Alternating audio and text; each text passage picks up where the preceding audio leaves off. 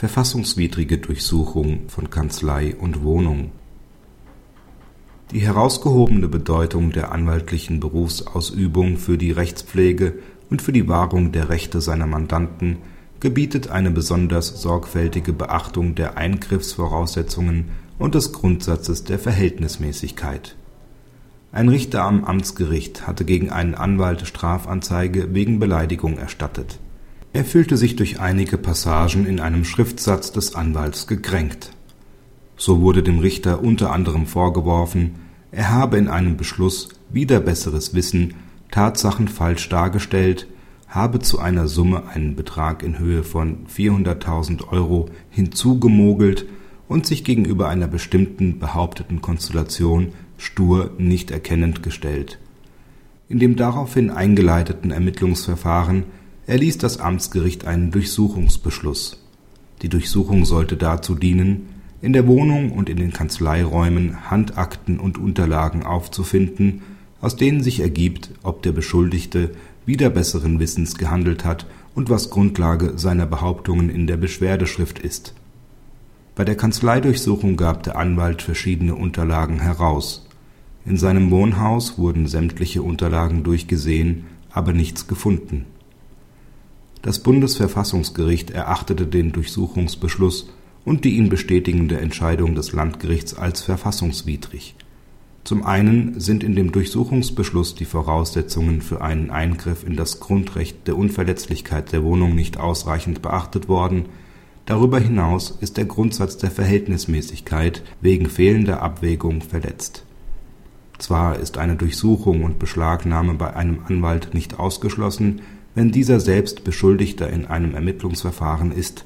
In solchen Fällen ist jedoch die besondere Bedeutung des Anwaltsberufs für die Rechtspflege und die Wahrung der Rechte seiner Mandanten zu beachten.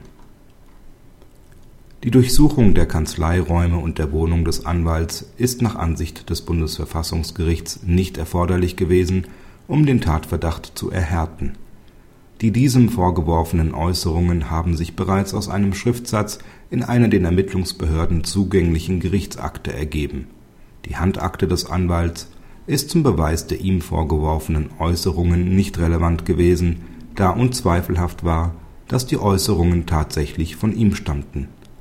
Die Möglichkeit des Auffindens etwaigen entlastenden Materials in den Unterlagen des Anwalts kann den Eingriff ebenfalls nicht rechtfertigen. Es wäre dem Anwalt problemlos möglich gewesen, solches Material im Rahmen seiner Verteidigung selbstständig vorzulegen. Schließlich ließen die angegriffenen Beschlüsse auch nicht erkennen dass die Gerichte eine Abwägung der relevanten Grundrechte des Anwalts mit der Schwere des Tatvorwurfs vorgenommen hätten.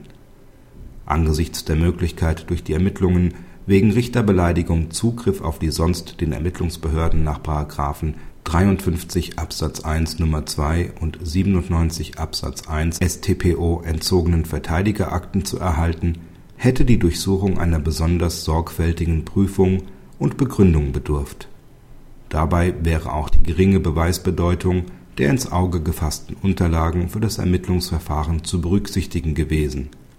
Dem Durchsuchungsbeschluss lag jedenfalls keine diese Gesichtspunkte berücksichtigende Abwägung zugrunde.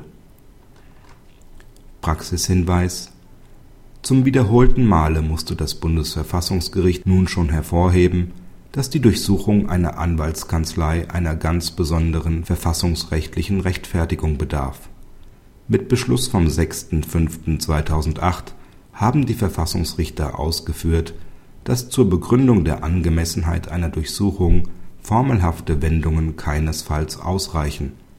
Der Richter darf sich nicht allein mit der Schwere der Straftat und der zu erwartenden Strafe auseinandersetzen. Der Hinweis auf den Strafrahmen dort ging es um den Verdacht der falschen Verdächtigung reicht jedenfalls nicht aus, um die Schwere der Straftat zu begründen Vielmehr muss geprüft werden, ob nach dem Stand der Ermittlungen im konkreten Fall die Verurteilung zu einer mehr als geringfügigen Sanktion in Betracht kommt